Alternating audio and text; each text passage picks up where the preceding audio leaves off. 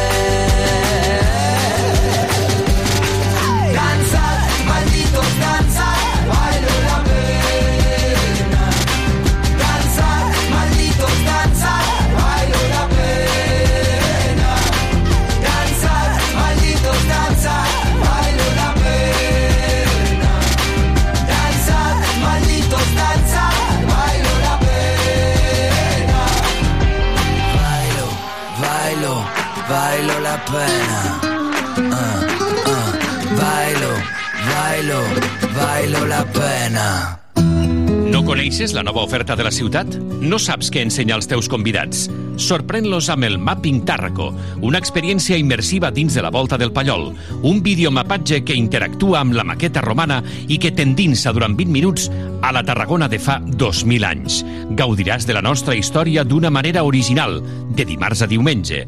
Disponible en quatre idiomes. Reserva ja la teva visita a mappingtarraco.cat. Ajuntament de Tarragona. Moll de Costa, la Rambla de la Cultura a la vora del mar. Vine i passeja per l'eix de la cultura, del lleure i de l'esport al Port de Tarragona. Hi trobaràs museus, exposicions, teatre, activitats, espais per passejar i fer esport. Completa la teva visita amb un tas de la gastronomia marinera del Serrallo. Més informació a porttarragona.cat. Festa Major del Catllà. Arriba la festa major. Màgia, bicicletada popular, vermut musical, concert pels petits, teatre, cercavila, correfocs, concerts, ball, concurs de trencaclosques, tracturada, baixada de trastos. I com no pot ser d'altra manera, una de les millors diades castelleres, amb la colla jove Xiquets de Tarragona, la Vella de Valls i els Castellers de Vilafranca. Ah, i aquest any, el divendres i dissabte nit, iniciem la prova pilot dels busos llançadora des de les urbanitzacions a la vila del Catllà. No hi pots faltar. Festa Major del Catllà. A Tarragona Ràdio som 40.000 oients. Anunciat a la ràdio local líder en l'actualitat, entreteniment i informació tarragonina. Contacta amb nosaltres al 977 24 53 64 de 9 a 2 al migdia o escriu-nos a publicitat arroba emmct.cat perquè a Tarragona Ràdio T'escoltem. T'escoltem.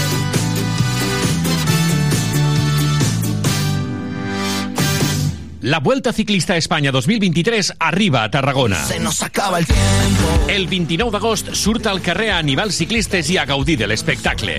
Pren nota, la quarta etapa de la Vuelta arribarà per l'Avinguda de Roma, passarà per la Rambla Nova, Pau Casals, Rambla Vella i acabarà al passeig de Sant Antoni on hi serà la meta. Recorda, dimarts 29 d'agost, el millor del ciclisme visita la ciutat. No t'ho perdis. Ajuntament de Tarragona.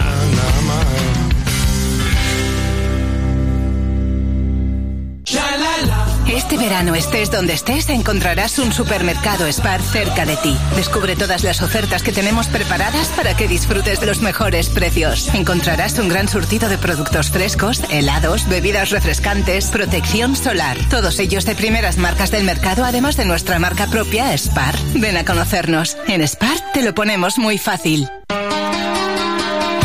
Que, que encara tenim molt de marge de millora, com la majoria d'equips, que arribi el dia del partit amb la nostra gent, que, que estem segurs de que anirà bé. Com diu l'entrenador del Nàstic, Dani Vidal, l'equip arriba al primer partit de Lliga amb moltes ganes i amb marge de millora per afrontar una temporada amb garanties. Dissabte 26 d'agost a dos quarts de deu del vespre viurem la primera jornada de Lliga al grup primer de Primera Federació des del nou estadi Costa Daurada en el partit entre el Nàstic i el Club Deportivo Arenteiro. I com sempre, des de fa 31 temporades, t'ho explicarem tot des d'una hora abans a la sintonia de Tarragona Ràdio, el 96.7 i 101.0 d'FM, al web i a les aplicacions mòbils. Escolta, ens participa el Joc de la Porra, comenta el partit al Twitter del Sempre Nàstic i al WhatsApp de Tarragona Ràdio. 31a temporada del Sempre Nàstic, viu el futbol, viu el Nàstic i viu els gols. Gol, gol, gol, gol, gol, gol, gol, gol, gol, gol, gol, gol, gol, gol, gol, gol. Tothom amb les capacitats. La capacitat de ser diferents, no? de ser persones neuronalment atípiques, però com una condició. Tothom amb la solidaritat. Per visibilitzar-nos i per donar-nos a conèixer i fer recerca sobre aquesta malaltia. Tothom amb el voluntariat. Facilitant el nostre dia a dia i la nostra prestació de serveis. Tothom amb les iniciatives socials. Poder construir pues això, no? espais sants i positius i a través de l'oci i el temps lliure pues, generar oportunitats. Tothom amb la gent gran. Acompanyar aquella persona en unes etapes de la seva vida que també ha de ser gaudir i disfrutar. Tothom amb les persones. Ajudant a les persones amb trastorns neurocognitius que ho necessiten. Tothom amb Miguel González.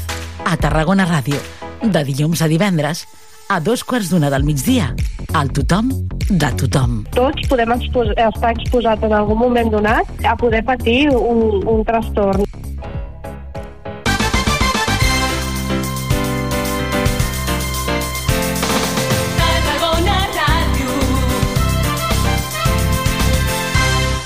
Bon dia, són les 11 del matí i en punt 6 minuts. Mercat d'estiu. Entrevistes fresques i de quilòmetre zero a Tarragona Ràdio.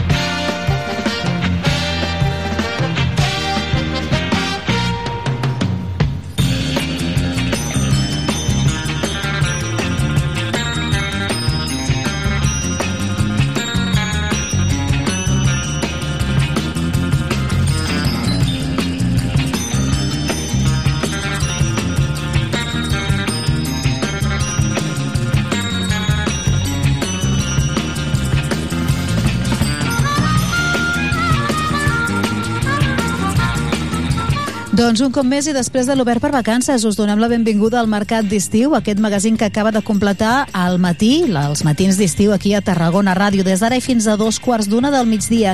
Després arribarà una nova edició del Tothom, de fet una edició repescada eh, d'altres temporades, i també eh, la remissió d'una de les entrevistes ben personals sobre, eh, amb personatges, vaja, del món de l'esport, aquest programa a fons que durant aquest tram final de temporada ens ha ofert el company eh, Joan Andreu Pérez. Doncs anem a PAMS i expliquem el que passarà des d'ara i fins a dos quarts d'una. Tindrem entrevistes d'actualitat i més d'una connexió en directe, que és el que ens agrada, a explicar-vos el que passa, quan passa i des d'on passa. I d'això en sap moltíssim amb el nostre company Pep Sunyer, que es passa, com deien no, als Amaral, tot el dia en la calle. Pep Sunyer, bon dia. Què passa? Què bon passa? dia. Avui no estàs a la bon dia, platja. Bon dia. No, ja voldria... No. no a la, mira, a la platja, a, a la platja ara deu fer una calda, perquè uh, si aquí on estic ara, que toca córrer l'aire, ja estem a, 20, a, a 32 graus, imagina't, imagina't la platja com deu estar ara mateix, eh? Mm -hmm.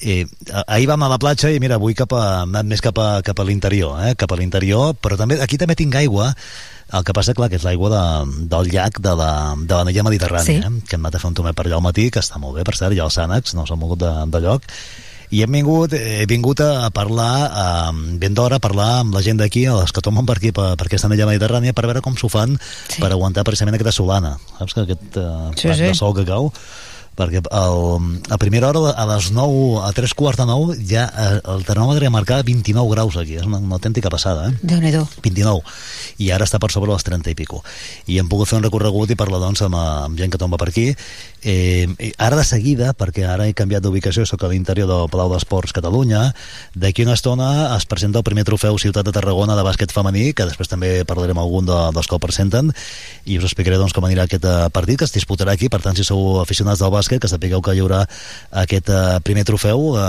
que tindrà lloc el partit el dia 9 de setembre l'altre cap de setmana no l'altre tampoc d'aquí tres cap de setmana 9 de setembre abans de Santa Tecla el Palau d'Esports enfrontarà el València Bàsquet que són les campiones de la Lliga Endesa de- d'enguany i el Barça Club Bàsquet amb quartes classificades a, a la Lliga Endesa també de- de- d'aquest any 2023 eh? per tant parlem de bàsquet femení i amb aquest primer trofeu de Ciutat de Tarragona que es farà doncs, just aquí en aquest Palau d'Esports i que presenten d'aquí una estona d'aquí una estona presentaran i per tant també podrem parlar amb algú Molt bé. Eh, però he pogut parlar, mira, he, he parlat amb uns nois, eh, Núria, Sí. que m'ha fet, fet, molt, fet molta il·lusió conèixer-los, Sí.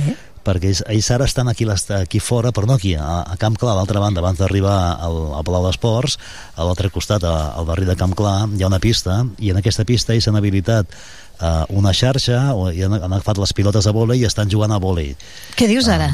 S'han muntat sí, un sí, equipet són- de vòlei? S'ha muntat un equip de vòlei que es diu, es, es diuen, eh, es fan dir doncs els Ravens Vòlei eh, Club TGN, sí. no estan federats, són una colla d'amics, um, que queden cada dia o cada dos dies eh, per jugar allà a, a plena solana, Però per que són, són jovenalla, que, que no surten de nit o què?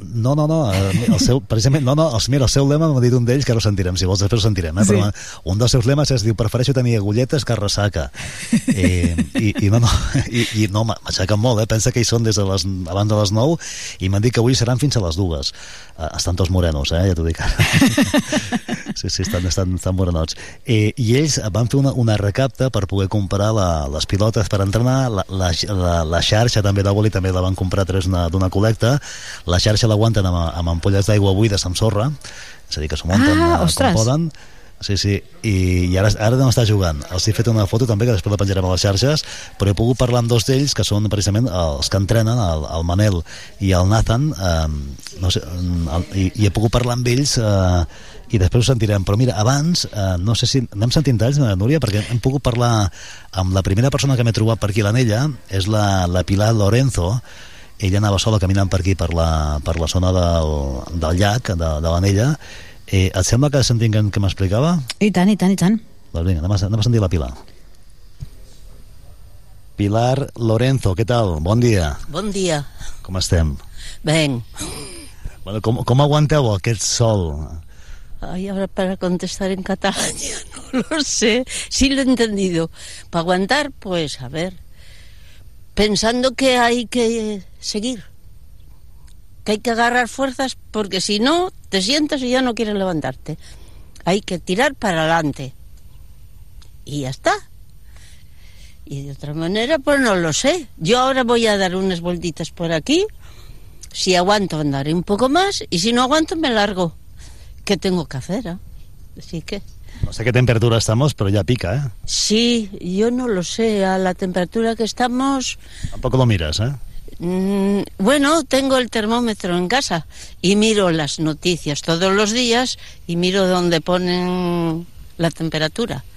Dieron 33, ¿ah? de 25 a 33. ¿Y has podido dormir esta noche? Pues en tiempos. Una hora y media, te levantas, bebes agua, vuelves otra vez a la cama, busques el sitio, pones el ventilador, si te quedas dormida, te quedas dormida, y si no, pues eso. Yo me levanto temprano. A las seis yo ya estoy arriba. Limpio, quito el polvo que hay y ya está porque como estoy sola, pues, pues ya está, no tengo animales. Yo los animales les doy de comer afuera. Ahí perdiendo para Correfur hay unos gatitos que le doy de comer todos los días. Y es una gatita que yo la quiero mucho, que es a Viamesa. Yo tenía una también que fue la que me murió. Y entonces ella me espera en el árbol y así que me ve, salta del árbol y viene donde mí. ¿Qué le parece? Vives en el barrio del Pilar, ¿eh? Aquí, Sabines de allá, ¿eh? Sí, sí, queda cerquita de aquí. Bueno, un paseíto, pero eso no es nada.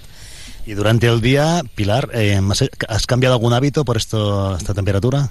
A ver, sí, sí. Pues me gusta menos hacer cosas y, me gusta más cerrar los ojos y no pensar en lo que viene. Porque si miras las noticias, mejor te mueres, ya está. Es que es una pena. Que fuego en un lado, que eh, derrumbamiento en otro, que si la presa se abre y se lleva todo, pues eso es lo que hay. Y no dan una cosa que a uno le alegre un poquito la vida, ni que lo mande Dios. ¿Has vivido toda la vida aquí en el Pilar? No, no, no, no. Uh, yo nací en, en Baza, provincia de Granada. Mi madre también. Sí, estoy pasada por el manto de la Virgen del Pilar, que algunas veces creo que sí que me protege, otras no lo sé. Luego he estado en Zaragoza hasta los seis años. Luego he estado en Cantabria, que mi, ma- mi difunta madre era de Cantabria. Luego he estado en Asturias, luego he estado en Galicia, que allí tengo a mis hermanos, y luego he estado en, a ver si se lo digo, bueno, le voy a decir primero de Alemania que me acuerdo, que ha sido, y de Alemania, como yo tenía aquí una familia de mi padre, pues no sé cómo eso, y mi hijo está en, ahí, en Berlín, nació allí, y entonces digo, le queda más cerca, pues digo, me quedo aquí. Había la casa esa del barrio del Pilar, que me tenía que quedar ahí. Sí, ¿para qué le vamos a dar más vueltas, no? Ah, estuve antes de Alemania en Suiza, que me murió una hermana y entonces me tuve que regresar, que se estaba muy bien. En Suiza muy bien, ¿no? Sí, sí, sí, y en Alemania también. Aunque diga la gente que lo que quiera, que es más fría la gente por lo que le ha pasado por la última guerra, muy bien, el que lo entienda, lo entiende. ¿Que me han ayudado a mí en Alemania más que en España? Sí, se lo puedo decir bien claro. Aunque oigo muchos que dicen, ah, los alemanes. Pues yo no. Y en Suiza también muy contenta. En Alemania he trabajado con tres o cuatro nacionalidades. Yo nunca, nunca me han hecho la vida imposible. Me he llevado bien con todos. El por qué muchas veces es mejor que perder que ganar. Y perdiendo ganas. Caray, no. ¿Entenderá? Perfectamente, y esta frase, mire, para acabar, perfecta. Perdiendo ganas. ¿A dónde vais ahora? Yo ahora por la orilla del lago, que igual hay un poquito más de sombra por los árboles. Normal, yo no vengo por aquí así, sino que doy la vuelta toda, toda, toda, toda, y llego aquí, luego me voy por ahí, doy toda esa vuelta, y luego me doy la vuelta del lago. Y no me canso. ¿Por qué? Porque ando siempre. Se es joven, se es joven. Ay, sí, tengo 78, voy camino de 79. ¿No os aparentáis? Ay, sí. No, la Virgen. Pues yo me miro muy vieja. Pero me es igual, ¿ah? A mí lo que me cuenta no es esto. A mí lo que me cuenta es este. Corazón. Ese mismo. Porque reír y contar cuentos. Y, y quiere que la ayude, pero ¿a qué? ¿A caer o a levantarte? Pues entonces, no. sí. Aquí he dado también con personas buenas que me están ayudando ahora que lo necesito. Que tengo depresión y, y, eso, y me ayudan. Las cosas como son. ¿O te escucharán por la radio? Pues no lo sé. Yo no lo digo para que me estén. Yo no estoy pensando en eso. ¿eh? No, ya, pero ha salido. Pensando que yo, que se lo estoy diciendo a usted. Ya está. Pilar, si nos escucha algún alemán que esté por aquí de vacaciones, ¿qué le diría? En alemán, ¿eh? En alemán. En alemán. En alemán. Sí, sí, que le diría que, que, bueno, que hace mucho que hace mucho sol en alemán, ¿cómo se, cómo se dice? O que hace mucha calor. Y en España, momentan es so viel heiß. Warten ein bisschen euch und kommen später un que fea en Frühling. Oder en Winter. Yo no entendía nada, pero es normal, ¿no? A ver, yo les he dicho que si se encuentran por aquí, que hace mucha calor. Y que entonces, que mejor que vengan en la primavera o en el invierno. Y esto, ¿no lo he dicho más? Perfecto. Me ha gustado mucho conocerla, Pilar. Vale, y yo a usted. Pilar, ¿qué más me ha dicho? Lorenzo González. Pilar Lorenzo González. Una, una, un placer y bueno, que vaya muy bien la, la caminada. Bien, gracias. A mí lo que me fijaba antes es en el perrito, que no se cansa. Sí, sí, hay un perrito por aquí que no, estos van a... Con la lengua afuera, pero van, van tirando, ¿eh? A mí me encantan. Los animales son mis mejores amigos. Perdonando, ¿ah? Que me perdone el que me escuche, pero soy tan clara como el agua. Pilar, un placer, gracias. De nada, de nada. Que tenga buen día, ¿eh? que tenga buen día. ¿En alemán sería? Eh, eh, haben Sie eine gute Tag. Gracias. De nada, adiós. Genial, eh, la Pilar, genial aquesta conversa, començar al matí així, Pep, això és un goig, eh? Començar el programa així també. Que bonic. Sí, sí, T'has trobat amb més gent, no? Sí, sí, m'ha- m'he trobat a, mira, a, la, a la Marisol, al Fèlix, al Leonel i la Mercedes, i amb els, eh, amb els nois, amb els adolescents el del vòlei, Mhm. amb el Ravença Vòlei Club Tarragona, a TGM, que estaven, això, anat eh, parlant amb tots ells. Eh, el sentim d'espera, et sembla, sí, Núria? sí. Jo, jo m'he d'anar a la roda de premsa perquè està a punt de començar, eh, lo del, lo del vòlei, eh, lo del bàsquet, bàsquet. Eh, aquest trofeu a Ciutat de Tarragona de bàsquet femení està a punt de veure, si començar la roda de premsa, Molt està a punt de, encara no, està a punt de començar, m'he d'anar cap a dins, cap a Palau, i si et sembla, després torno a connectar i sentim els companys Mhm. um, i la resta de, de veus, sí? Sí, ho fem d'aquesta manera. Molt bé, Pep Sunyer, una abraçada forta. Fins ara. Fins ara. Fins ara. Seguim amb el ritme habitual del programa i el que toca ara és fer una miqueta de sumari, posar nom i cognoms el dia d'avui i sentir també la primera cançó que encetarà el nostre film musical. El sumari més o menys ja l'hem fet, mireu. Parlarem d'això, d'aquesta presentació a què ens ha convocat, parlant, eh, vaja, per presentar el trofeu Ciutat de Tarragona de bàsquet. En tindrem els detalls després de la roda de premsa, al voltant, quan faltin uns minutets per les eh, 12. També immediatament podrem escoltar, doncs això, les eh, persones amb qui s'ha trobat el Pep de camí cap a l'illa Mediterrània per saber com estan passant els tarragonins, tarragonins de barri, de prop de l'Anella, doncs aquesta onada de calor. Ara escoltàvem eh, de moment la, la Pilar que, que, bueno, que s'ho agafa tranquil·lament. Diu, pues, estic una estona, si aguanto, aguanto, i si no, cap a casa. Què hem de fer? Clar que sí. I més enllà d'això, ens volem eh, també fer ressò de les reivindicacions de les queixes de les denúncies d'uns altres veïns, els veïns de la part baixa del barri del Port.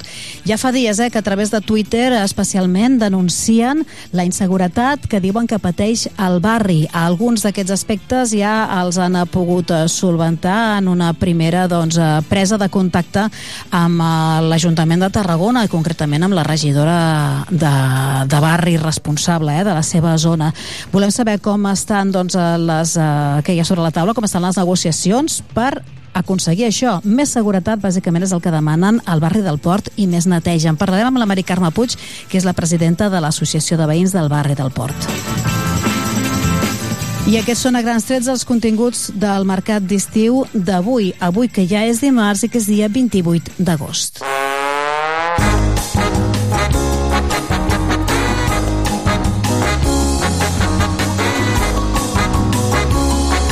Doncs si ahir commemoràvem 21 d'agost el Dia Internacional eh, dedicat a les víctimes de terrorisme, avui més o menys van per aquí les coses. És el Dia Internacional, així ho va declarar la ONU, de commemoració de les víctimes d'actes de violència motivats per la religió o les creences.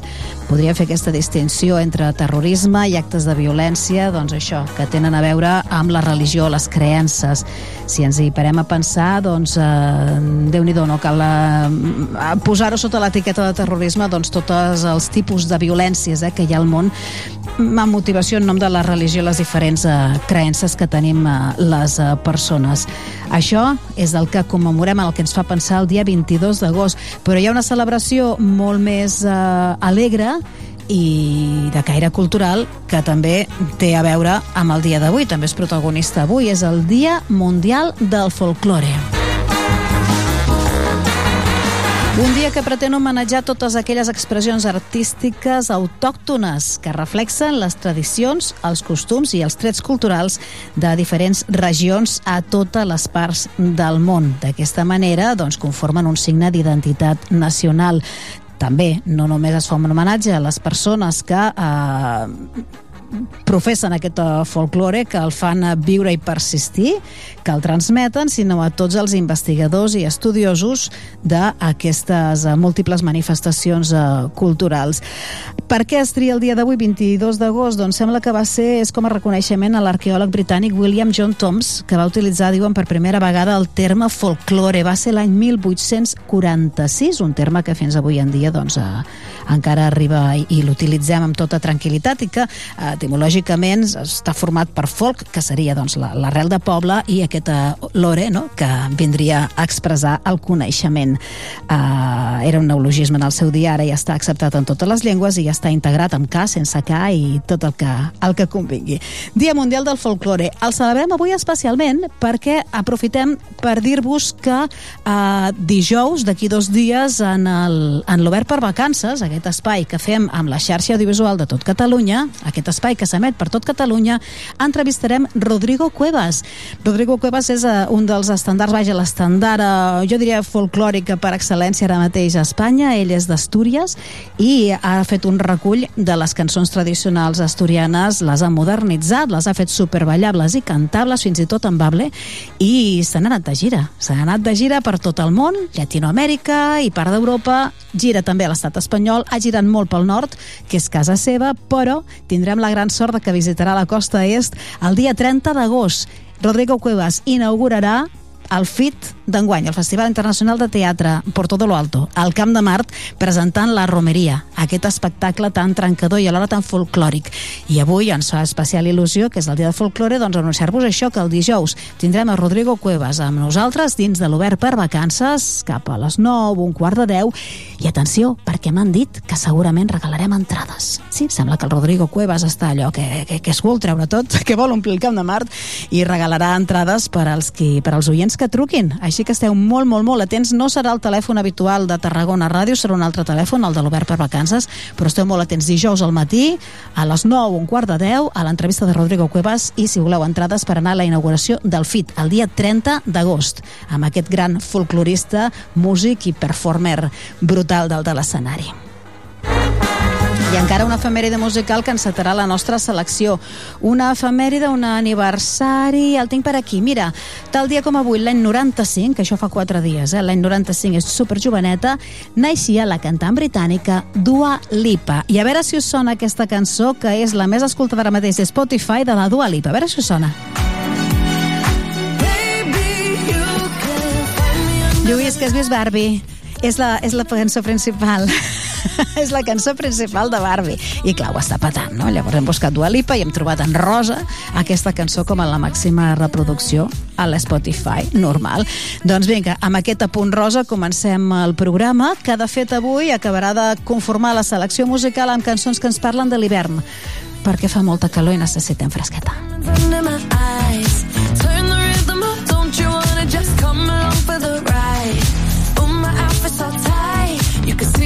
Heartbeat tonight. I can take the heat, baby. Best believe that's the moment I shine. Cause every romance shakes and it bends. Don't give a damn. When the night's here, I don't do tears, baby. No chance. I could dance, I could dance, I could dance. Watch me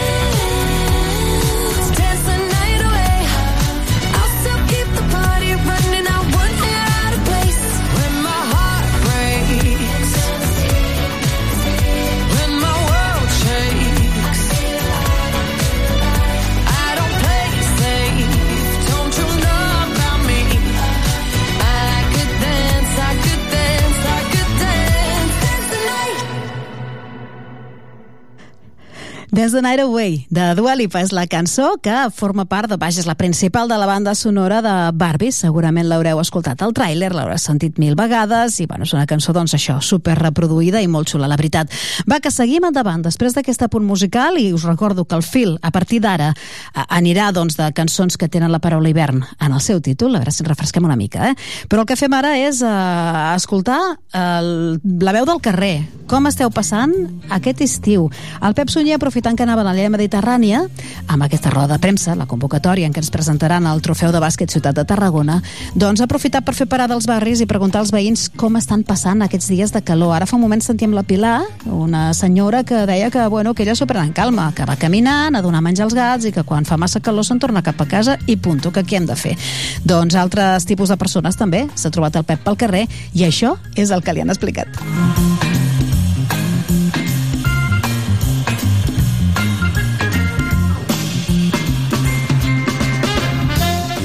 Marisol Tejero també està aquí a la, a mediterrània. Per cert, allà al- a la zona de la tocada del llac hi havia un noi eh, francès eh, fent exercicis, m'explica que té amics per aquí, i que ha vingut abans, dues hores abans, per no passar la calor, eh?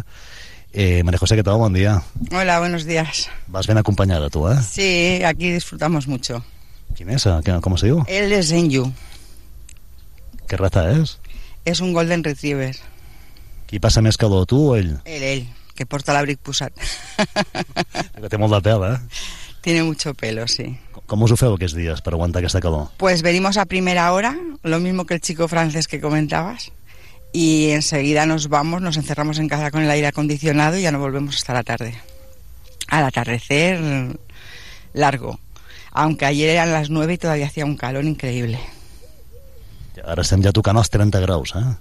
Sí, bueno, yo no, no, sé- no te lo sé calcular, pero yo lo que siento más es la humedad. La humedad esta que tenemos aquí en Cataluña, que es increíble. En otros sitios está más fresco, ¿eh? Sí, sí. Por ejemplo, En Euskadi, que yo soy de Euskadi, bueno, antes por lo menos se estaba más fresco. Ahora también escucho que hay temperaturas elevadas y ya no sé qué parte de España es la que está fresca. El Pirineo, supongo, o Huesca o una zona así. No, pero en Euskadi, en según qué zona, seguramente se duerme mejor por las noches, ¿no? Hace más, más fresco por la noche y te tapas, ¿no? Incluso. Bueno, ya últimamente me comentaban que no, que pasaban calor también. Pero, pero sí, antiguamente recuerdo que además teníamos incluso días lluviosos que no podíamos ir a la playa y el día que, eh, que salía bueno, aquello era una fiesta porque las madres lo dejaban todo y nos llevaban a la playa. Pero bueno, eso, eso es otra historia. Ahora con el cambio climático no sé si se volverá a vivir esa situación. ¿Y qué hace una, una chica de Euskadi aquí en Tarragona?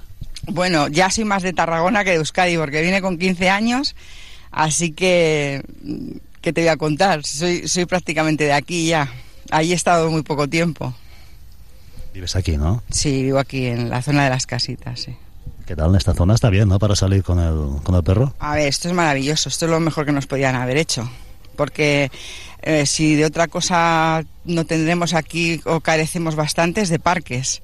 Porque en cualquier punto de España que vayas hay una barbaridad de parques increíbles así de este estilo y esto lo necesitábamos. Y aquí en, en esta zona no había nada de nada, solo descampados de estos que se queman en cuanto hace calor y ya está. ¿Y esta noche hemos dormido? ¿Has dormido bien? ¿O cómo, cómo te lo montas para dormir por la noche con estas calores? apagar el aire acondicionado. Es que no hay otra. Apa- apagar luz. Eso o te mueres de calor. Como falle la electricidad, es- estamos perdidos. A ver si llueve, ¿no? Sí. Oye, pues nada, que vaya bien. ¿Haréis, haréis la ruta ahora? Un Sí, poco... hacemos la ruta, cuatro, cuatro carreras con, el, con la pelota para que se canse y queme un poco de calorías. Y no mucho más. Y de hecho vengo con el coche porque mm, para no atravesar el desierto, como yo digo, si se nos hace un poco tarde, ya no quiero atravesar el desierto. Y llegamos a casa enseguida, nos metemos con el aire acondicionado y se acabó. ¿El desierto qué es? El desierto es cruzar todo esto hasta que llegas a casa, toda la zona esta, hasta que llegas a casa, le llamo el desierto. O sea, de, de la milla hacia allá, ¿eh? Exacto. Bueno, oye, que un placer, que vaya bien. Muchas gracias a ti. I Fèlix, eh, Fèlix eh, Palacín, que està aquí a, a Montbanc fent exercicis, acabant la ruta. Fèlix, ¿qué tal? Buen día, buenos días. Hola, buenos días. Está el final de ruta ya. Sí, ya hemos dado el paseillo matinal y ahora ya hacemos un poco de estiramientos y ya para casa a almorzar. ¿Vienes de muy lejos? No, vivo aquí en la granja. ¿Has ido muy lejos? No, me- bueno, me voy de unas dos horas y media de caminar. Está Buenavista, Canonja, bosque Constantí, toda esta vuelta, ¿eh? unas dos horas y media cada día. Eh, ¿Sales antes por el calor o no? No, sí, ahora para me levanto a las seis, a las seis y media suelo salir y ahora ya a las nueve y media, a las diez ya para casa que ya, que hace mucho calor. ¿Antes salías eh, luego, más tarde? Para el invierno salgo más, más tarde, o siete, siete y media, ocho, depende. porque entonces ya, como por la mañana, además que es de noches, para caminar por el, por el campo es de noches, pues entonces no hace tanta calor y puede aprovechar más tiempo. Ahora estabas haciendo como ejercicios, ¿no? Con el cuello. Estiramiento de, después de caminar tanto rato, pues un poquito de estiramientos, un poco de estiramiento de cintura, de brazos, de piernas, que si no se, se quedan agarrotados. ¿Has sido deportista? No, no, no. Simplemente he hecho un trabajo muy sedentario, eh, pero siempre me ha gustado caminar mucho. Entonces siempre he aprovechado un poquito para hacer un poco de ejercicio. No, no deporte, pero ejercicio. Jubilado, ¿no? Sí, sí, ya estoy jubilado, sí. ¿Está bien, jubilado? Pues estupendamente, la verdad es que sí, que no, que no es verdad que está tan bien. ¿eh? Siempre tienes sus hobbies, entretenimientos, y lo mejor de estar jubilado es simplemente que no tienes tiempo, no tienes horas. ¿eh? Como tienes obliga y tampoco tienes muchas obligaciones, pues no tienes horas, pues tú puedes dedicar tu tiempo a lo que, a lo que te apetece y lo que te gusta. ¿Y era un buen desayuno? Pues sí, no mucho, porque tampoco hay que comer mucho, pero bueno, un poquito sí, hay que, hay que recuperar fuerza. ¿Has trabajado mucho? ¿He trabajado mucho de qué? La vida. En la vida. Bueno, pues en una empresa 42 años. ¿eh? O sea que ya, ya, ya- cumplido para, para, para lo que es. Esto ahora no es muy habitual, ¿eh? La gente no aguanta nada, ¿eh? Enseguida cambian de trabajo, ¿no? Sí. Bueno, los cambios, los trabajos han cambiado. ¿eh? Antes, al- cuando estabas en una empresa, normalmente si cumplías y te iba bien, pues estabas toda tu vida en una empresa, ¿no? Ahora no, porque las empresas también tienen mucha movilidad y la gente tampoco que aguanta mucho. También es verdad que ahora hay poca gente de trabajar, el esfuerzo le cuesta poquito. ¿eh? La gente joven, yo pienso que eso de esforzarse les cuesta, les cuesta. ¿eh? Bueno, ¿te queda muy lejos casa? No, muy poquito. Ahora, 10 minutos, un cuarto de hora, ya, ya llego para casa. Ya vamos a hacer. Que vaya bien, gracias. Muy bien, vale, muchas gracias a ti. I el Leo, el Leo i la Mercedes, que també estan aquí en, en aquest parc amb els, amb, el, amb els gossos eh, respectius. És el que deia abans la Marisol, aquest grup de, de gent que surt amb els gossos i que es troben per aquí. Leo, què tal? Bon dia. Hola, bon dia, com estàs? Tu ja t'hi vist fa una estona per allà tombant, eh? Sí, a veure, això està molt bé per córrer. La veritat és que amb la gespa i, i amb el bon temps i invita, convida a sortir amb el gos a fer unes voltes. I amb la calor que fa, com, com tu fas? Has canviat l'hàbits? Eh, Surts abans? Eh, Com tu fas? Sí, per haver d'evitar el sol i possibles insolacions, sempre vinc eh, abans de l'hora que solia anar, perquè anava caminant abans, i tota l'estona parant i amb l'aigua ben freda per refrescar-se tant a mi com al gos. Com es diu el gos? El gos es diu Furi, com un matemàtic, es diu Fourier. Ah, que T'agrada matemàtiques? Ets matemàtic, tu? Sí, estudio enginyeria matemàtica i física aquí a la URB i doncs, sí, la veritat eh, m'agraden tant les mates que al meu gos li quedava molt bé aquest nom, no podia no posar-se'l. Escolta, i no, a què estudies ara? Quin, quin curs estàs fent? De... Mira, ara faré tercera carrera d'enginyeria matemàtica i física, que és una carrera a la URB, soc de la primera promoció i bueno, està, està bastant bé. La veritat és que les passions per les mates sí que te l'enganxen, fins i tot a la vida. I en el futur què vols fer? Eh, a mi m'agradaria dedicar-me a la gestió de, massiva de dades, al Big Data, que és el tema de, que està de moda avui en dia, i la veritat és que té moltes aplicacions que poden afectar fins i tot a l'optimització dels nostres recursos. I la veritat és que té, té molta sortida i, a més a més, eh, sí que es podria fer del món un, un lloc millor, optimitzant i repartint millor entre la gent. Aquí, per exemple, en aquest espai que és tan gran i que hi ha tanta zona oberta, posaries alguna aplicació així per, no sé, de, de tenir informació en temps real de coses que passen aquí? No sé, m'imagino, jo què sé, pues, saber quan entres quanta gent hi ha, o si hi ha molts gossos, o... A veure, sí que estaria interessant saber, per exemple, quanta gent hi ha, més que res per saber si, per exemple, s'haurien de posar més fons o s'haurien d'habilitar més fons o més espais, per exemple, com, com lavabos públics, perquè de vegades sí que la gent li agafen, li agafen les ganes i, i el poliesportiu està a l'altra punta de l'anella, doncs sí que estaria bé aquesta informació, posar, per exemple, on estan, que posessin més lavabos, informessin on, on són, i bueno, això sí que penso que seria necessari, sí. Escolta, i la, i la calor, aquesta, aquesta temperatura tan alta que tenim, com la porta el, el matemàtic, el company? Afortunadament l'està portant bastant bé, anem parant cada estona perquè tinc, ahí- tinc, li dono aigua ben freda i, i bueno, quan veig que està massa esgotat parem, perquè si no es, podria ser perillós per ells. Però sí. Veig que us trobeu amb altres eh, persones que van amb, també amb les seves mascotes i que tots s'entenen perfectament, eh? Dic els gossos, eh? No, les persones també. Afortunadament tenim un grup de gossos que es porten molt bé entre ells, no, no es barallen mai, i sí que, de veritat, els hem, els hem fet trobar entre ells ben des de petits i ara són com una pinya i no volen separar-se ells. Es veuen i es posen tot contents, juguen entre ells, i la veritat és que tenim molta sort perquè és veritat que molts gossos avui en dia sí que es, potser es barallarien i aquests no. Tenim molta sort. Quants quilòmetres he fet avui, ja? Avui he fet 5 i mig, són unes quantes 3-4 voltes he fet. I aquí molt bé, no? Perquè si has vingut a primera hora del matí, no, no sé si estava sol, però pràcticament, no?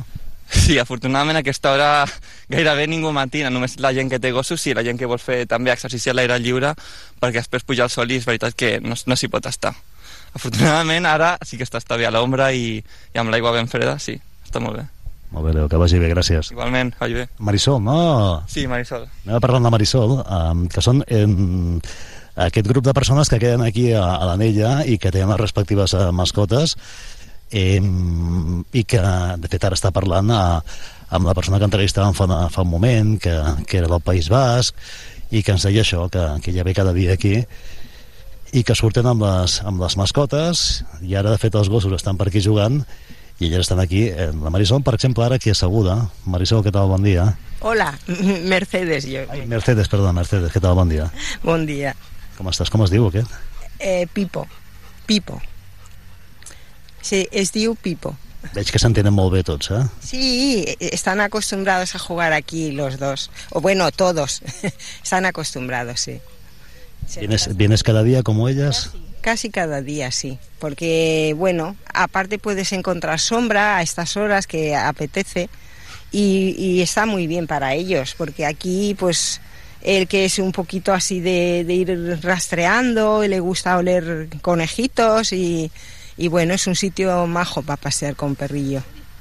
¿Cómo llevas este, este calor, este calor que hace estos días? ¿Cómo lo llevas? ¿Por la noche duermes? Bueno, mm, hacemos lo que podemos, ponemos el aire de vez en cuando y bueno, pues eh, eh, mitigando un poco como se pueda el, el calor, ¿no? Yo creo que todos hacemos un poco igual. Ventilador a ratos, el aire de vez en cuando y así vamos. Aquí corre el aire, ¿eh? Aquí hoy no de momento, pero se está bien porque se nota cuando hay vegetación, es otro ambiente. ¿eh? Si vas a pasear ahora por fuera, eh, por el asfalto, notas mucho más el calor. Por eso aquí está bien para venir un ratito. ¿Vienes de muy lejos? No, no, vivo muy cerca, estamos cerquita. Andando, venimos un cuarto de hora o así. Está bien. Bueno, ah, y con Pipo, ¿no? ¿Pipo dit? Pipo, Pipo, sí. ¿Qué, qué raza es? El- Es un bodeguero. Es bode- ratonero bodeguero, andaluz. es muy muy movido, es jovencito, tiene año y medio y, y es ahora porque ya hemos andado y está cansado, pero es muy muy trasto, es muy trasto. Eh, ¿Tú siempre has vivido aquí? ¿Siempre? Pues sí, llevo 40 años aquí viviendo, sí, en cerca todo alrededor de aquí. Sí, sí. Ha cambiado mucho esto, ¿eh? pues por suerte se va ampliando, se van haciendo zonas nuevas y está bien, se va mejorando yo creo. Ahora aquí quieren, están haciendo obra para ampliar más el- este polígono y eso es bueno. Eso yo creo que, es- que, que beneficia al barrio y a la zona y está bien. ¿De dónde eres, bro? Yo soy de Almería, pero bueno, llevo aquí 50 años, o sea que, que casi se puede decir que soy de aquí. En Almería los familiares dirían que allí hace más calor que aquí, ¿no? Bueno, parecido, ¿eh? No te pienses. Almería, como también es eh, la zona del Mediterráneo, es un clima muy parecido aquí. Yo he estado de vez en cuando porque tengo bastante familia y no noto mucha diferencia ¿eh? de temperatura. Ahora hay más calor, pero quizá más en Córdoba, Sevilla, ¿no? Zonas un poquito más interiores. Pero bueno, calor ahora hace en todos sitios. A Pipo solo le falta hablar, ¿no? Bueno, está muy pendiente y raro que esté aquí tan quieto. Está pendiente a ver qué hacen sus compañeros. Está cansado ya. Oye, un placer, gracias. Muchas gracias a ti.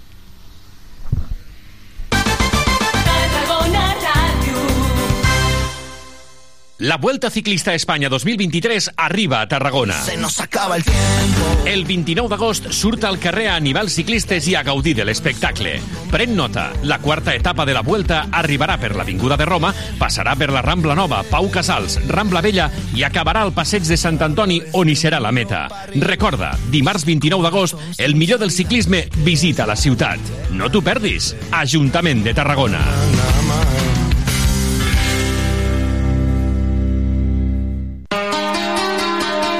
Que, que encara tenim molt de marge de millora, com la majoria d'equips, que arribi el dia del partit amb la nostra gent, que, que estem segurs de que anirà bé. Com diu l'entrenador del Nàstic, Dani Vidal, l'equip arriba al primer partit de Lliga amb moltes ganes i amb marge de millora per afrontar una temporada amb garanties. Dissabte 26 d'agost a dos quarts de deu del vespre viurem la primera jornada de Lliga al grup primer de Primera Federació des del nou estadi Costa Daurada en el partit entre el Nàstic i el Club Deportivo Arenteiro. I com sempre, des de fa 31 temporades, t'ho explicarem tot des d'una hora abans a la sintonia de Tarragona Ràdio, el 96.7 i 101.0 d'FM, al web i a les aplicacions mòbils. Escolta, ens participa al Joc de la Porra, comenta el partit al Twitter del Sempre Nàstic i al WhatsApp de Tarragona Ràdio. 31a temporada del Sempre Nàstic, viu el futbol, viu el Nàstic i viu els gols. Gol, gol, gol, gol, gol, gol, gol, gol, gol, gol, gol, gol, No coneixes la nova oferta de la ciutat?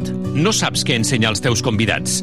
Sorprèn-los amb el Mapping Tàrraco, una experiència immersiva dins de la volta del Pallol, un videomapatge que interactua amb la maqueta romana i que t'endinsa durant 20 minuts a la Tarragona de fa 2.000 anys.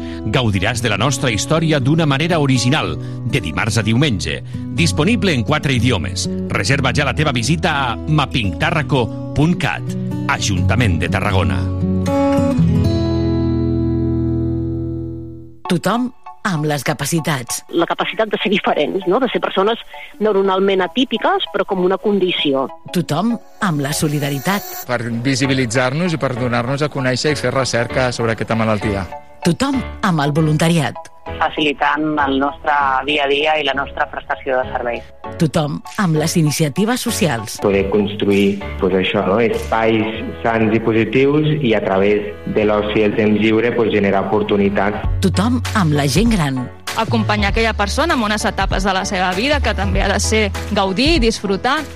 Tothom amb les persones. Ajudant a les persones amb trastorns neurocognitius que ho necessiten. Tothom amb Miguel González. A Tarragona Ràdio. De dilluns a divendres a dos quarts d'una del migdia. Al tothom de tothom. Tots podem expos estar exposats en algun moment donat a poder patir un, un trastorn.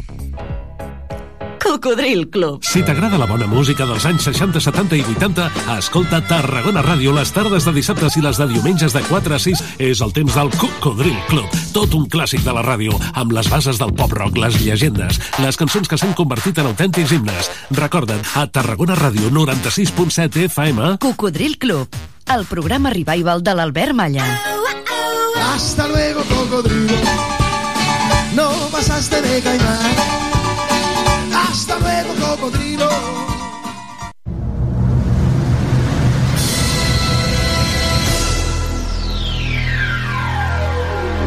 Cada dissabte a les 10 de la nit...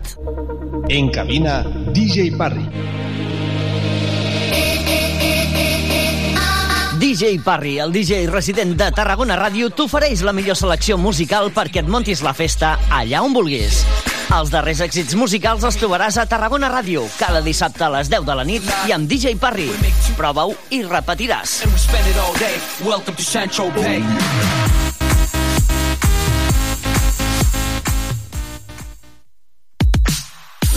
Aquest estiu tenim un pla. Et proposem que ens acompanyis cada matí. A canvi, t'apropem el territori. Et descobrim artistes quilòmetre zero. I els millors projectes de proximitat. Compartim receptes. I secrets gastronòmics. Fem estiu amb els protagonistes de la jornada. Perseguim plegats l'actualitat. I totes les tendències. Amb un ull posat a la platja. I també a la muntanya i a la piscina. Aquest estiu, obert per vacances. Obert per vacances. Cada matí, de 9 a 11, a la teva ràdio local.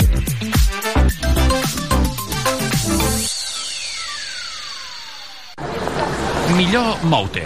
A peu, en bici, en bus i no sigues addicte al cotxe. Agafa'l només l'imprescindible. Millor mou-te. Ajuntament de Tarragona.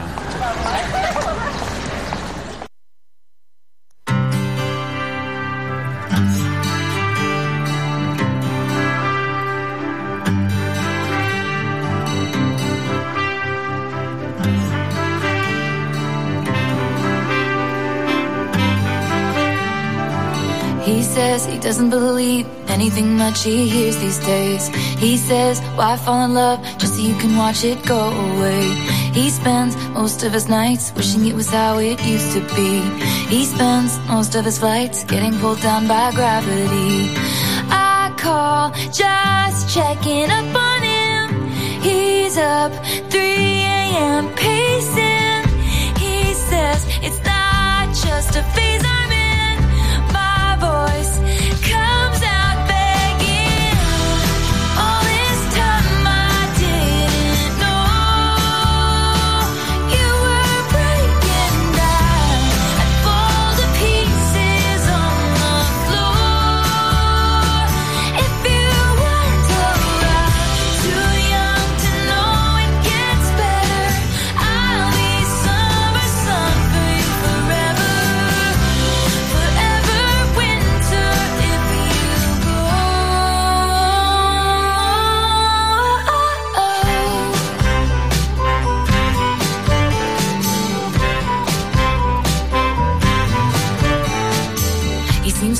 most of the time, forcing smiles and never minds. His laugh is a symphony. When the lights go out, it's hard to breathe.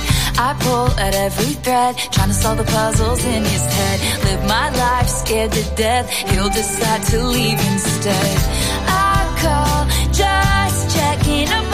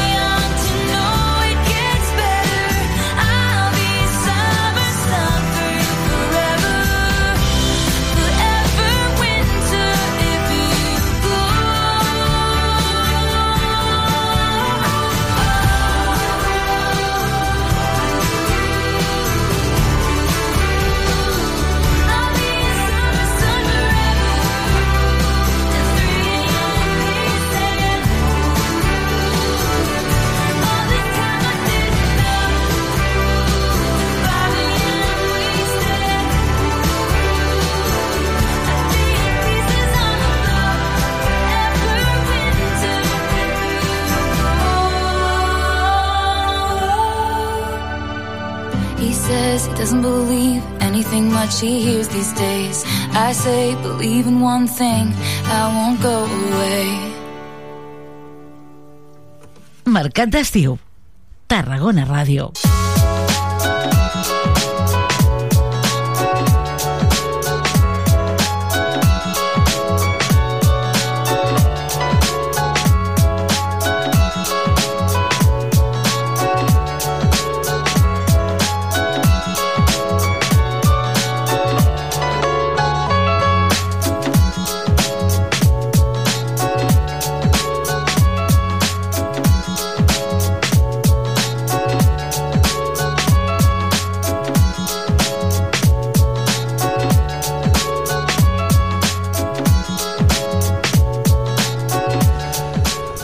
Doncs seguim, seguim al Mercat d'Estiu i, de fet, el lloc que pràcticament on arrencam avui el programa, des d'on saludava fa una estona la, la Núria Cartellà, en aquesta anella mediterrània de, de Camp Clar, Mireu, no fa gaires doncs s'acaba de presentar el primer torneig eh, per trofeu, eh, Ciutat de Tarragona de bàsquet femení.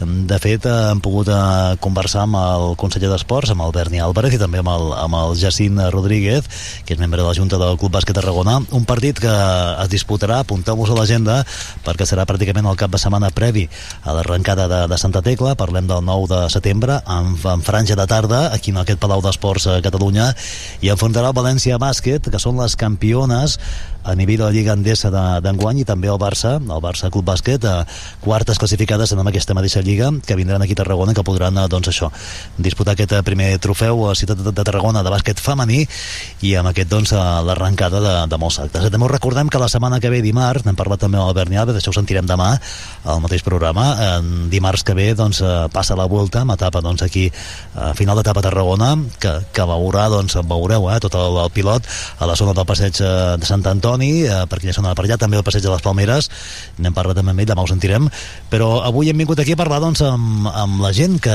que camina, que passeja per aquesta zona, per aquesta anella mediterrània, i hem vingut ben d'hora i hem vist que, doncs, que moltes persones han canviat d'hàbits eh, degut precisament a la temperatura, aquestes altes temperatures que tenim en aquest dia encara d'onada de, de calor i, per cert, del risc d'incendi forestal. Eh? Molta precaució perquè estem situats a nivell 3 del Pla Alfa i per tant eh, doncs ja sabeu que hi ha massissos restringits amb accés restringit des d'aquesta passada mitjanit i l'anterior i per tant eh, molta precaució perquè les altes temperatures amb aquest clima eh, que ens acompanya doncs, eh, fa que hi hagi pràcticament un còctel eh, molotov doncs, eh, i molta matèria prima per cremar. Molta precaució al bosc aquí hem pogut parlar amb les persones que primera al matí doncs, com dèiem han canviat d'hàbits perquè molts que venien a caminar cada dia o feien sols o per exemple amb la mascota com eh, tres persones que sentíem abans doncs eh, venen una mica abans per evitar doncs, les, hores, les, hores, les hores de màxima insolació, tot i que hem de dir que a 3 quarts de matí aquí el termòmetre ja marcava 29 graus, eh? és a dir que déu nhi ara situat a 32 graus el termòmetre, però és que primer al matí també déu nhi la calor que feia.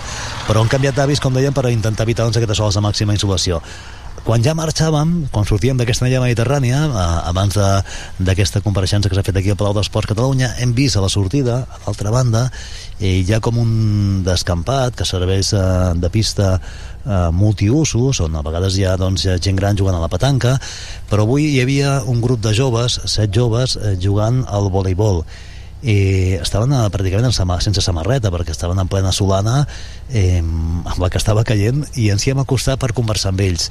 I quan hem pogut parlar amb ells eh, hem descobert que es tracta de, de joves nois adolescents, a la majoria doncs, que entrenen a vòlei eh, aquí cada dia o pràcticament cada dia o cada dos dies i ells s'han muntat a la xarxa, eh, van fer una col·lecta, ens explicaven per poder doncs, comprar una xarxa de, de vòlei i també les pilotes i per poder doncs, entrenar de valent, eh, perquè és el que fan, eh? entrenen de valent, eh, i serà fins, encara hi són ara, els estic veient des d'aquí, des de la porta del Palau d'Esport, perquè encara hi són eh, allà entrenant eh, fins a les dues del migdia. El seu lema, perquè es diuen, es fan dir eh, Ravens Volleyball Club TGN, quan hi ha partits són una quinzena aproximadament han vist el tornar doncs, que també hi havia no només nois, també noies eh, i juguen i creuen que l'esport és el millor antídot per tot. I de fet ens deien que prefereixen tenir acolletes que tenir ressaca i que és una bona manera l'esport doncs, de poder sortir de casa i de no, no estar tancat doncs, entre quatre parets i, i poder viure la vida. Eh? És el que ens deien dos de, de, dels nois amb els que hem pogut parlar, el Nathan i, i també el Manel, que a més a més són els entrenadors, són de la mateixa edat tots, eh? més o menys, i ells feien d'entrenador. De, la, la, la, la, la xarxa, perquè us feu una idea de si heu jugat mai a vòlei, l'aguantaven amb dues ampolles d'aigua buides i plenes de sorra. És a dir, són fet, fet tot ells Eh, hem pogut parlar amb ells, anem a sentir-ho perquè val la pena i, i veureu que, que aquí no... Que, en fi, que, que és una, un autèntic exemple que aquests nois els hauria pràcticament de fer, de fer un monument a tots ells. Sentim-los en directe, que ens han explicat fa una estona aquests nois eh, que juguen a bàsquet, que són del Ravens Volley Club TGN. I mireu, ja, ja, mar, ja marxàvem i he vist aquí al camp de, de vòlei eh, set nois eh, jugant, eh, entrenant a vòlei, eh, amb, amb aquesta, que fa una mica de sombra, eh, però aquí al sol, eh, Déu-n'hi-do. Y nos acompañan dos de ellos, Nathan. Nathan, ¿qué tal? Buen día. Eh, buenas. ¿Y tú, tíos? Buenas, Manel. Manel, eh, sabeu que estem a 30 graus, no? Sí. o sea, hace mucha calor, pero hay que entrenar siempre duro y estar aquí día a día. Que, que, esteu, que esteu entrenant? Sou d'algun equip o...? Eh, bueno, mm, aquí hay gente que viene para para entrenar particularmente aquí y gente que ya tiene un equipo, pero viene aquí para entrenar más horas de las que, de las que tocan. ¿Habéis cambiado el horario para entrenar con el calor que hace? Eh, hay a veces que sí, porque también por el horario y el clima que hacía, pero la verdad que cuando, cuando hemos podido, hemos venido aquí, hemos entrenado, lo que ha dicho mi compañero, que algunos entrenan por porque les gusta y otros para entrenar para la temporada que, que comienza y así estar en forma y no estar todo el día en casa y, y haciendo deporte, que es lo mejor. Además aquí al costat de la Milla Mediterrània, no? que és un lloc guapo, no? La verdad. Bueno, es eso que hemos tenido un horario durante todo este verano y la verdad que se respeta bastante y la gente no se queja del calor, siempre todo el mundo activo y día a día. cada- Qui- Quines sois, Manel? Digue'm qui sou. Somos Ravens Volleyball Club TGN y somos un equipo que de, de un nivel intermedio que mucha gente no ha tocado un balón en su vida y quiere empezar a hacer deporte ya, cambiar cosas y pues estamos aquí para ofrecerles todo eso. Torna'm a dir el nom del, del club. Ravens Volleyball Club TGN. Sou d'aquí de Can Clar, eh? Sí. I qui sou aquí, que hi ha a la pista ara? Eh, bueno, somos Xavi, Pablo, eh, Jordi, Manu, Fran, Nathan y yo. Tots aquí, eh? Sí, todos somos de aquí. Todavía hay gente que no viene por igual por trabajo o porque están de vacaciones y tal, pero aquí perfectamente hemos podido ser 15, 20 personas entrenando, jugando partidos, todo una competitividad sana, con objetivos que cada uno busca y quiere cumplir. Y la verdad que la, la excusa no es una alternativa. Es venir aquí sin excusas, aquí venimos a, a darlo todo, a buscar los objetivos y cumplirlos y obviamente pues mejorar y lo que he dicho anteriormente, en plan, que para en ca- cada a la temporada que, que viene pues estar preparados al 100% y que, y vamos, no sé, simplemente dar todo a- cada día y solo eso. L'entrenador no està, no? Eh, bueno, el entrenador soy yo. ¿Cómo no? Estamos nosotros dos, los entrenadores de, de esto, que es una iniciativa, pues, sobre todo para incentivar a la gente a que no se quede en casa, que salga, disfrute de lo que, de lo que es vivir, que al final es muy bonito y que el deporte es lo mejor que hay antes de... No sé, prefiero, prefiero que la gente diga que agujetas a que resaca. Molt bé. Eh, Manel, contra qui competireu? Quan comença la competició? Està a punt de començar, no? Eh, sí, bueno, esto es un equipo que acaba de empezar, pero bueno, no es no nuestro objetivo no es federarlo, pero sí venir aquí y entrenar. Lo que sí, bueno, cada uno tendrá sus equipos, eh, San Pere, Reus, Chalou, y esa gente sí quieren competirá la temporada que viene y en voleibol y ya está, serán federados. O sigui, teniu companys, algun d'ells que estan eh, competint amb altres equips, eh? Por ejemplo, Xavi, yo y bueno, él que está en el San Pere y nosotros en el Reus. Sant Pere i Sant Pau són uns cracs. Sí. Y bueno, es eso, simplemente... mm, Reus també, eh? es así, darlo todo y incentivar la disciplina que, que al final es lo que es lo que hay. Esteu molt morenos, tio. Esteu molt morenos, eh? Bueno, es una cosa que, que por culpa del sol, ya que piensa que no es un pabellón oficial con su techo y con todas sus medidas, pero hacemos todo lo posible para que nuestros jugadores estén lo más cómodos posibles, que el sol es un poco problema, pero bueno, existe también la crema solar, que es lo que toca, como cada uno que va a la playa pues echa crema, pues aquí igual, pero bueno, al menos hacemos algo que nos gusta, que nos motiva a todos cada día a levantarnos y lo que ha dicho mi compañero, disciplina, horarios y cumplir objetivos que mucha gente te dicen que igual no puedes cumplir. Mira que seria xulo que us deixessin la clau d'aquí de, del Palau d'Esports, no?, que està aquí al costat. I puguem entrar d'allà, no? Quitamos muchos problemas de piedras, sol sobre todo, porque es muy agobiante. No, no, escu- no escucho, no suelo escuchar quejas, la verdad, del sol, porque aquí venimos con un objetivo muy claro y el sol es algo que no importa mucho. Es bastante superfluo, pero estaría muy bien, la verdad, sin duda. Nois, l'enhorabona. Eh, fins a quina hora esteu aquí ara? Ah, dos. Sí, empezamos ocho y media, que empezó a venir la gente, montamos toda la red, eh, ponemos, pues dibujamos la, la pista con tiza y tal, y comenzamos ocho y media hasta las dos de la tarde. Joder. Al final, si os gusta, no hay excusas que valgan. A la platja no aneu, no? Jugar a vòlei, a la platja? O també? Bueno, no. Yo personalmente no. No sé las demás personas que han hecho, pero yo no. Yo vengo aquí, entreno mis horas y luego cuando me toca en, oficialmente también. Quines edats teniu, Manel, més o menys? Eh, bueno, son dos días de entreno independientemente del día que sea, estamos en vacaciones, da igual si es domingo, sábado, aquí normalmente, bueno, es una edad que no, no están por encima de los 18, o sea, no trabajan, y así que da igual independientemente del día que sea, pues son dos días de entreno, las horas de ocho y media, o sea, de 8 a 2, más o menos, y dos días de entreno, uno descanso, así todo el rato. Bueno, si us vol apuntar, que s'apunti, no? Exacto, aquí no. Aquí puede venir quien quiera, mientras venga, cumpla con los horarios y pueda venir los días que pueda, obviamente, porque cada uno tiene un, un horario diferente. Pero, pero vamos, que estamos abiertos a, a todas las personas, da igual la edad, el nivel, da igual. Si eres muy bueno, si eres muy malo, si eres chica, si eres chico, si tienes 20 años como que tienes 15 años, da igual. Mientras vengas aquí y aportes y sea un compañerismo total, que es lo que aporta también mucho este deporte, eh, adelante, no, no pondremos ninguna pega. Nois, l'enhorabona. Muchas gracias. Gracias. I ens veniu un dia a explicar a la ràdio? Vale, sí. Sí? Doncs ara agafarem els telèfons.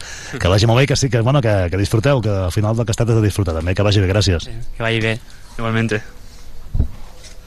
Doncs uns autèntics cracs, eh, del Rivens Volley Club eh, TGN, Um, que deuen ser allà encara, eh, perquè fi, són fins a les dues, eh, imagineu-vos, amb tota, amb tota la suana que està caient, però ells estaven molt morenots, eh, tant tot el dia al sol, però com deia un d'ells, eh, això és vida, eh, és a dir, viure la vida que és molt bonica i, i gaudir de l'esport, que l'esport doncs, eh, dona tot això, eh, dona moltíssim, i amb ells dona moltíssim, però és que ells encara donen molt més amb aquesta iniciativa doncs, que, que fa doncs, que aquests joves d'aquí de, de Camp Clar doncs, tinguin cada dia o cada dos dies un referent, un lloc on anar, on compartir, on viure i on passar una bona estona doncs, en amics, amb amics i donant-ho tot eh, per tenir també el dia de demà doncs, un futur, ja sigui en l'àmbit esportiu o en l'àmbit de, la, de la pròpia vida. L'esport va molt bé per tot això. Avui ens agrada molt conèixer-los eh, i els hi hem dit de fet que perquè vinguin algun dia al, al programa, el, que vinguin algun dia doncs, allà als estudis per poder xerrar una mica més amb ells i, i també conèixer una mica les seves inquietuds i que fan més enllà doncs, de, també de, de l'esport. Per tant, ja, agafat- ja quedarem amb ells M'ha agafat calor, Pep, ja només. Només de sentir-los m'ha agafat Sí, calor, no. eh? Buah! Però... Ana- Anaven, a, anaven, sí, sí. Però està, està Anaven bé, està bé. Està molt bé, està, està, està, molt, està molt bé. És que és, és una iniciativa doncs, que vaja, jo crec que s'haurien de fer un monument, eh? només de, de, de veure com, com estaven allà gaudint, com, com es busquen la vida per poder jugar, eh? de fer una coleta per poder comprar la xarxa entre tots, eh, les pilotes que estaven allà doncs, també entre tots, eh, col·locar, doncs, el, aguantar la xarxa doncs, amb dos bidons d'aigua plens de, de sorra perquè s'aguanti, i alguns uh pals metàl·lics que no sé d'on han tret, però, però en definitiva jugar, és que és el que es tracta, no? jugar i competir, eh? perquè alguns d'ells competeixen, em deia que un, un d'ells juga amb el Boli Sant Pere i Sant Pau, l'altre amb el Reus, l'altre amb el Salou, però la resta són nois d'aquí del barri que s'ajunten allà amb ells i que, doncs mira, que tenen una, aquest al·licient amb el, amb el vòlei, amb l'esport, per passar doncs, aquests dies de- d'estiu, de, en lloc d'estar a casa o estar fent altres coses. Vull dir que està molt i molt bé. Bueno, bàsquet El dia que vulguis els portem als estudis. Vale, doncs sí. Fet, fet, fet. I el bàsquet, Pep?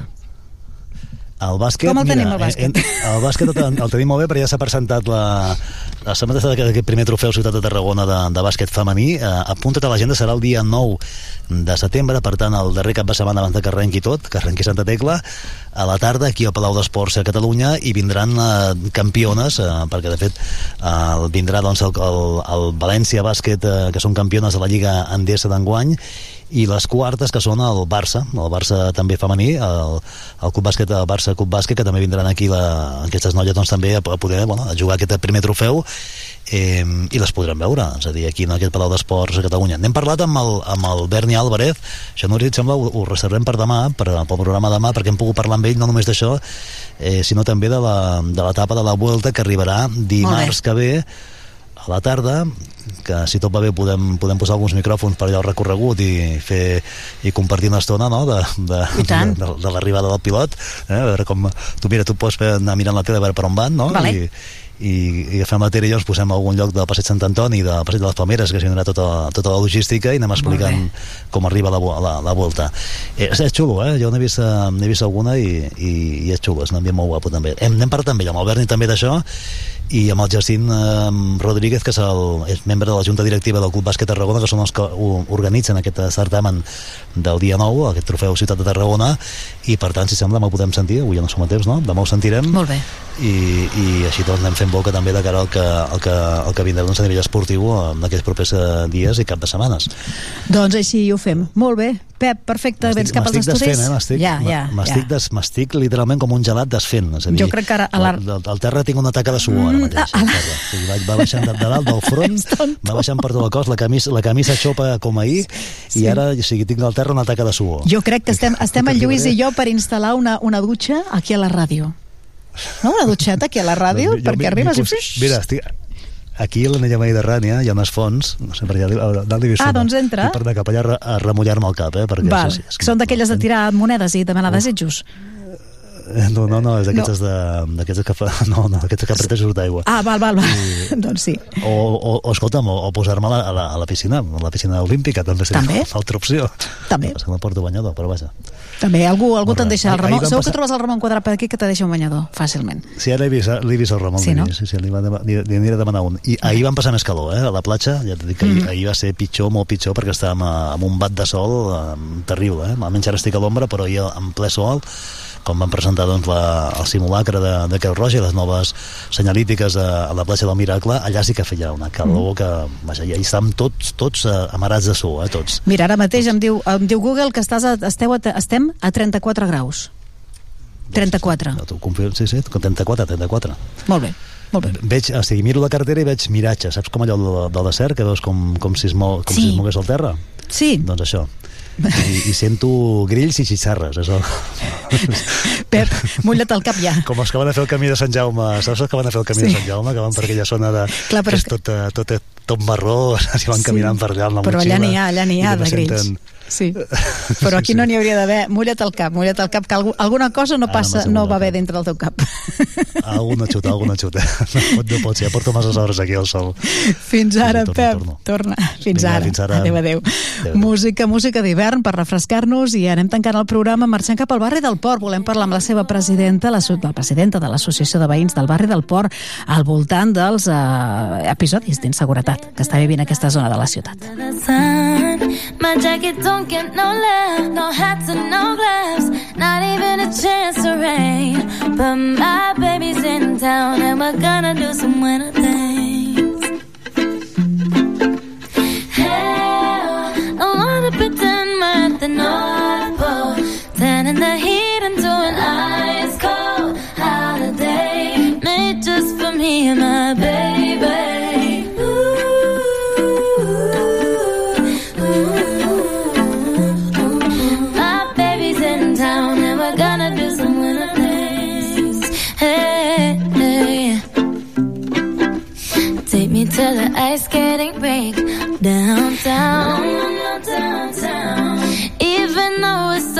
100 degrees. Gotta get out. Ain't no ice and no chills, no snowman to build. Most of our friends at the beach, but my baby's in town and we're gonna do some winter.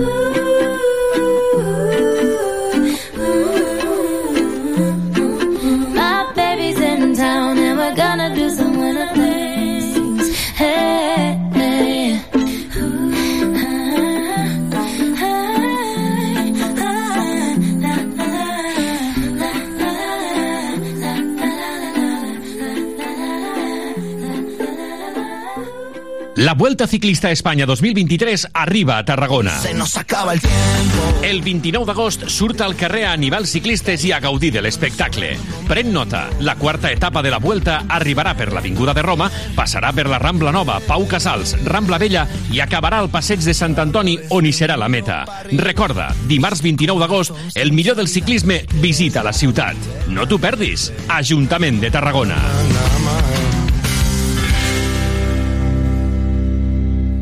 Moll de Costa, la Rambla de la Cultura a la vora del mar.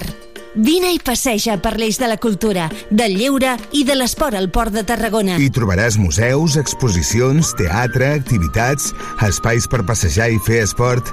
Completa la teva visita amb un tas de la gastronomia marinera del Serrallo. Més informació a porttarragona.cat.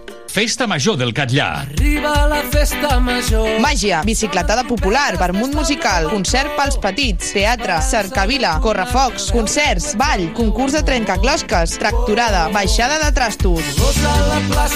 I com no pot ser d'altra manera, una de les millors diades castelleres, amb la colla jove Xiquets de Tarragona, la Vella de Valls i els castellers de Vilafranca. Ah, i aquest any, el divendres i dissabte nit, iniciem la prova pilot dels busos llançadora des de les urbanitzacions a la vila del Catllà.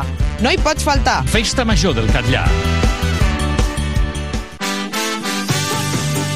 A Tarragona Ràdio som 40.000 oients. Anunciat a la ràdio local líder en l'actualitat, entreteniment i informació tarragonina. Contacta amb nosaltres al 977 24 53 64 de 9 a 2 al migdia o escriu-nos a publicitat arroba emmct.cat perquè a Tarragona Ràdio t'escoltem.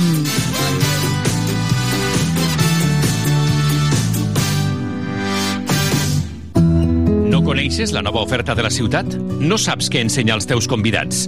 Sorprèn-los amb el Mapping Tàrraco, una experiència immersiva dins de la volta del Pallol, un videomapatge que interactua amb la maqueta romana i que t'endinsa durant 20 minuts a la Tarragona de fa 2.000 anys. Gaudiràs de la nostra història d'una manera original, de dimarts a diumenge. Disponible en quatre idiomes. Reserva ja la teva visita a mappingtarraco.cat. Ajuntament de Tarragona. Este verano, estés donde estés, encontrarás un supermercado Spar cerca de ti. Descubre todas las ofertas que tenemos preparadas para que disfrutes de los mejores precios. Encontrarás un gran surtido de productos frescos, helados, bebidas refrescantes, protección solar. Todos ellos de primeras marcas del mercado, además de nuestra marca propia, Spar. Ven a conocernos. En Spar te lo ponemos muy fácil. Que, que encara tenim molt de marge de millora com la majoria d'equips, que arribi el dia del partit amb la nostra gent, que, que estem segurs de que anirà bé. Com diu l'entrenador del Nàstic, Dani Vidal, l'equip arriba al primer partit de Lliga amb moltes ganes i amb marge de millora per afrontar una temporada amb garanties. Dissabte 26 d'agost a dos quarts de deu del vespre viurem la primera jornada de Lliga al grup primer de Primera Federació des del nou estadi Costa Daurada en el partit entre el Nàstic i el Club Deportivo Arenteiro. I com sempre, des de fa 31 temporades, t'ho explicarem tot des d'una hora abans a la sintonia de Tarragona Ràdio, el 96.7 i 101.0 d'FM, al web i a les aplicacions mòbils. Escolta, ens participa al Joc de la Porra, comenta el partit al Twitter del Sempre Nàstic i al WhatsApp de Tarragona Ràdio. 31ena temporada del Sempre Nàstic, viu el futbol, viu el Nàstic i viu els gols. Gol, gol, gol, gol, gol, gol, gol, gol,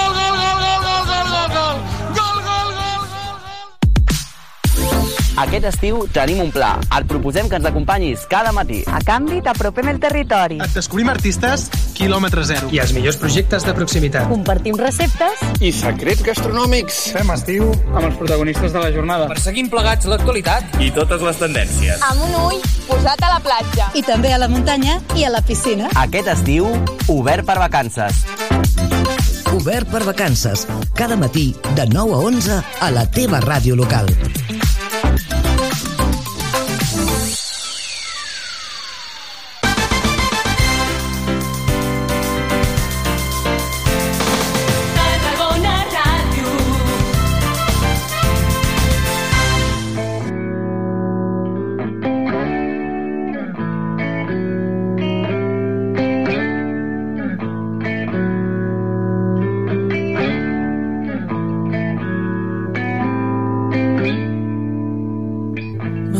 mirándote a los ojos.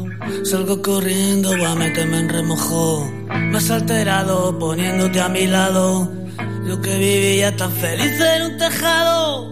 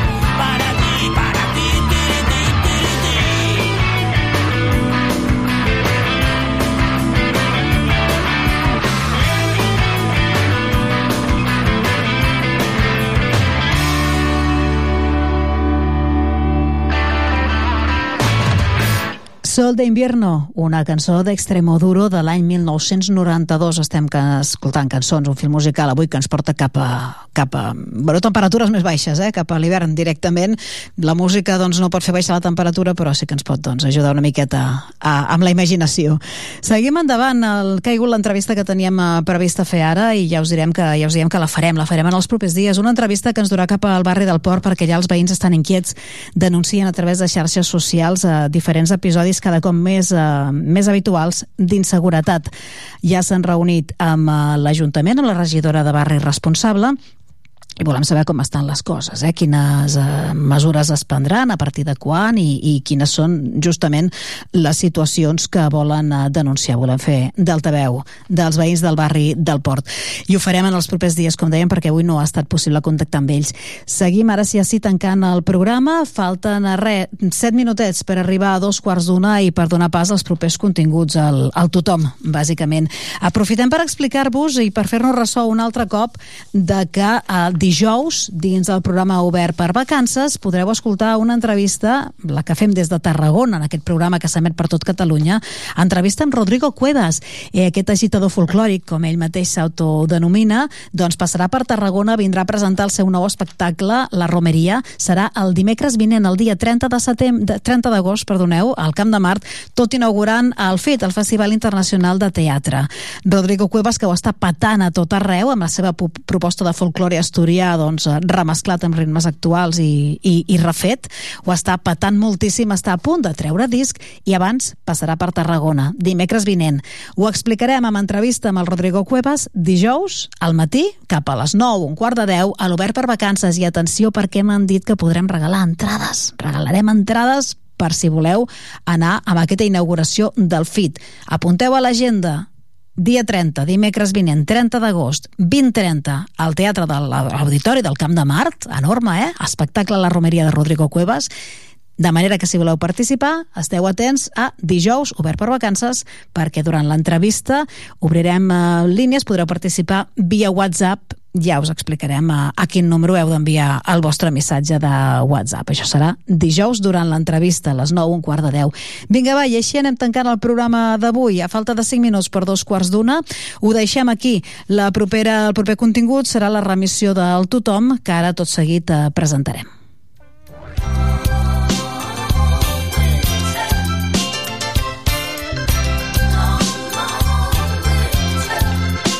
It's gonna be a long,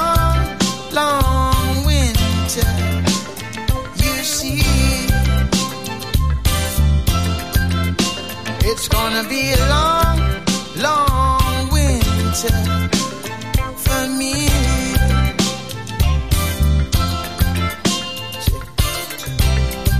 It's cold outside. I'm just not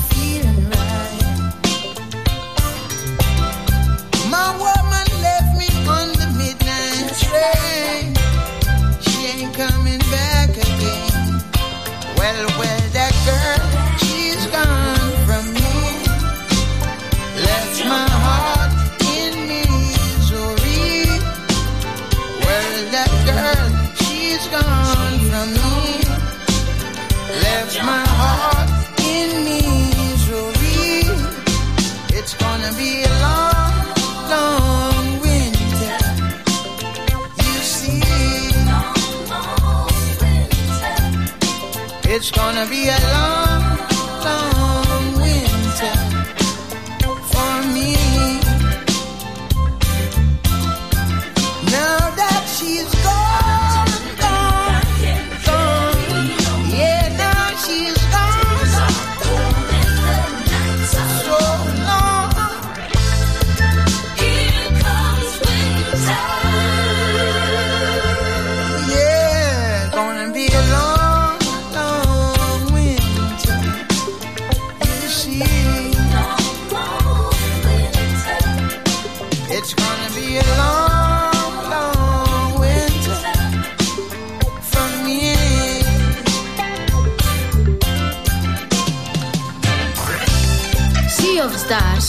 historia de dos niños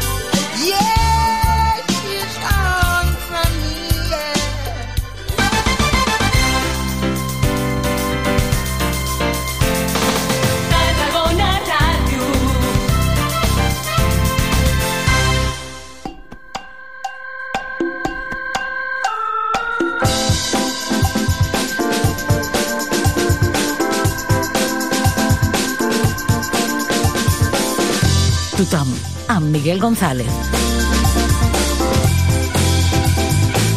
Hola, què tal? Benvingudes, benvinguts. Nova edició de l'Espai Tothom a la sintonia de Tarragona Ràdio, on portem ja 680 a les nostres esquenes, 14a temporada del programa.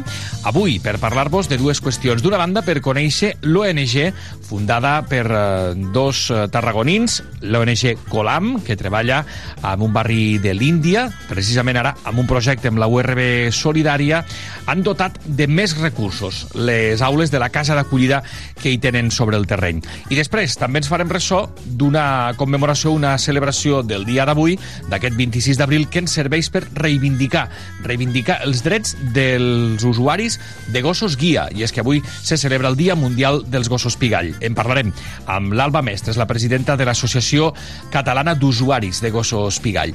Aquests seran els dos temes que ens ocuparan avui, amb una edició del Tothom, a la qual els controls tècnics hi és el Lluís Comès i qui us parla, el Miguel González. Connecta amb el tothom. Segueix-nos a Facebook i a Twitter i recupera els nostres programes a la carta a tarragonaradio.cat.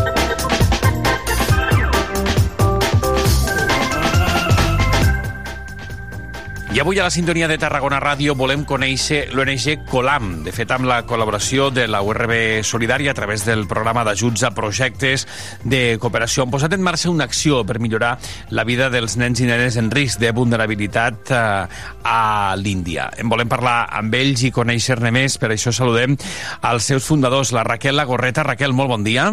Hola, bon dia. I el Víctor López. Víctor, molt bon dia. Bon dia. Moltíssimes gràcies per acompanyar-nos tots dos. Um, expliquem una miqueta, si us sembla, uh, què és l'ONG Colam, com us definiu i, i com va néixer tot plegat, com va néixer la iniciativa. Vale, doncs, bueno, l'ONG neix eh, en realitat d'un viatge que vam fer nosaltres a, a la Índia, un viatge de turisme, i al veure la situació que es, que es vivia allà, doncs vam decidir intentar posar el nostre granet de sorra i canviar una mica la situació. Això va ser el 2014 i el 2015 doncs, ja neixia la, la ONG. Mm -hmm. I com ha, estat, com va ser tot aquest procés ara fa ja vuit anys eh, llargs de crear una ONG a partir doncs, d'aquesta inquietud que, que vosaltres vau descobrir, vau, vau viure sobre el terreny també? Bueno, és un procés molt, molt, molt complex, en realitat, no? I intervenen moltes coses. Um, nosaltres els primers anys estàvem pràcticament tot l'any a la Índia. Bueno, és una cultura molt diferent, és molt complicat. El tema de la burocràcia a la Índia és pràcticament, per nosaltres és impossible, no?, perquè no intervenen molts factors i és molt, molt, molt complicat. Primer vam començar amb una casa d'acollida, que hi havia vuit nenes, i a poc a poc hem anat desenvolupant altres projectes relacionats amb la dona, amb, amb l'agricultura. Ha sigut un procés molt llarg, però alhora no, molt gratificant i mira, al final, vuit anys després, encara estem, estem aquí, que és tot un repte. Uh -huh. De fet, eh, us centreu en diverses qüestions, no?, pel que dèieu, eh, des, de, des dels col·lectius eh, vulnerables, com puguin ser la, la, la infància, la dona, després sí. també en qüestions d'agricultura. D'aquests anys, quins són els reptes que, que destaqueu o allò que heu, que heu aconseguit, Víctor o Raquel? Doncs eh, el que planteja més reptes de tot és eh, l'educació. L'educació és, és Mm.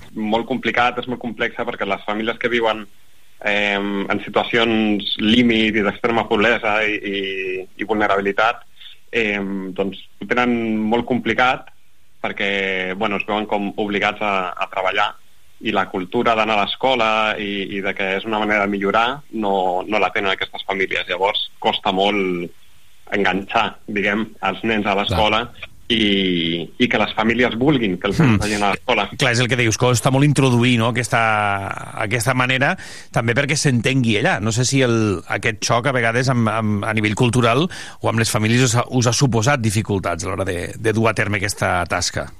Moltíssimes, moltíssimes dificultats. De fet, um, el, el nostre equip local no, es desplaça a les cases d'aquestes famílies no, per intentar conscienciar, però clar, són famílies que viuen molt al dia, o sigui, hi ha famílies que depenen del treball de dos adolescents. No? Mm. Com ens hi plantegem, no? que si van a l'escola avui no cobraran res i per tant potser es queden 8 o 9 persones sense menjar. Clar. No? És molt, molt, molt complicat, és introduir canvis en una estructura familiar que està molt arrelada.